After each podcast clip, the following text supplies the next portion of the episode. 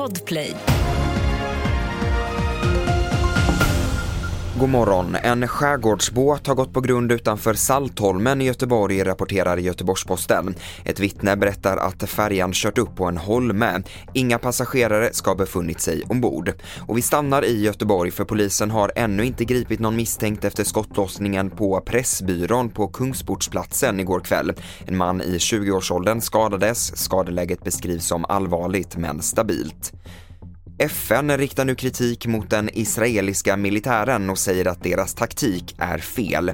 Generalsekreteraren Antonio Guterres menar att de civila dödssiffrorna är alldeles för höga och att Israel inte kan rättfärdiga sina attacker med att Hamas använder civila som mänskliga sköldar. There are violations by Hamas when they have human uh, shields. But uh, when one looks at the number of civilians that were killed with the military operations, there is something that is clearly wrong.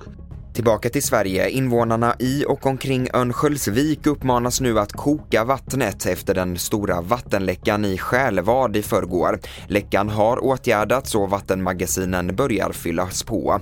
Enligt kommunen är uppmaningen om kokning en försiktighetsåtgärd.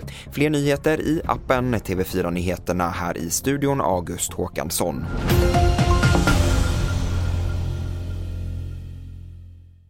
Ett poddtips från Podplay. I podden Något Kaiko garanterar östgötarna Brutti och jag, Davva, dig en stor dos skratt. Där följer jag pladask för köttätandet igen. Man är lite som en jävla vampyr. Man har fått lite blodsmak och då måste man ha mer.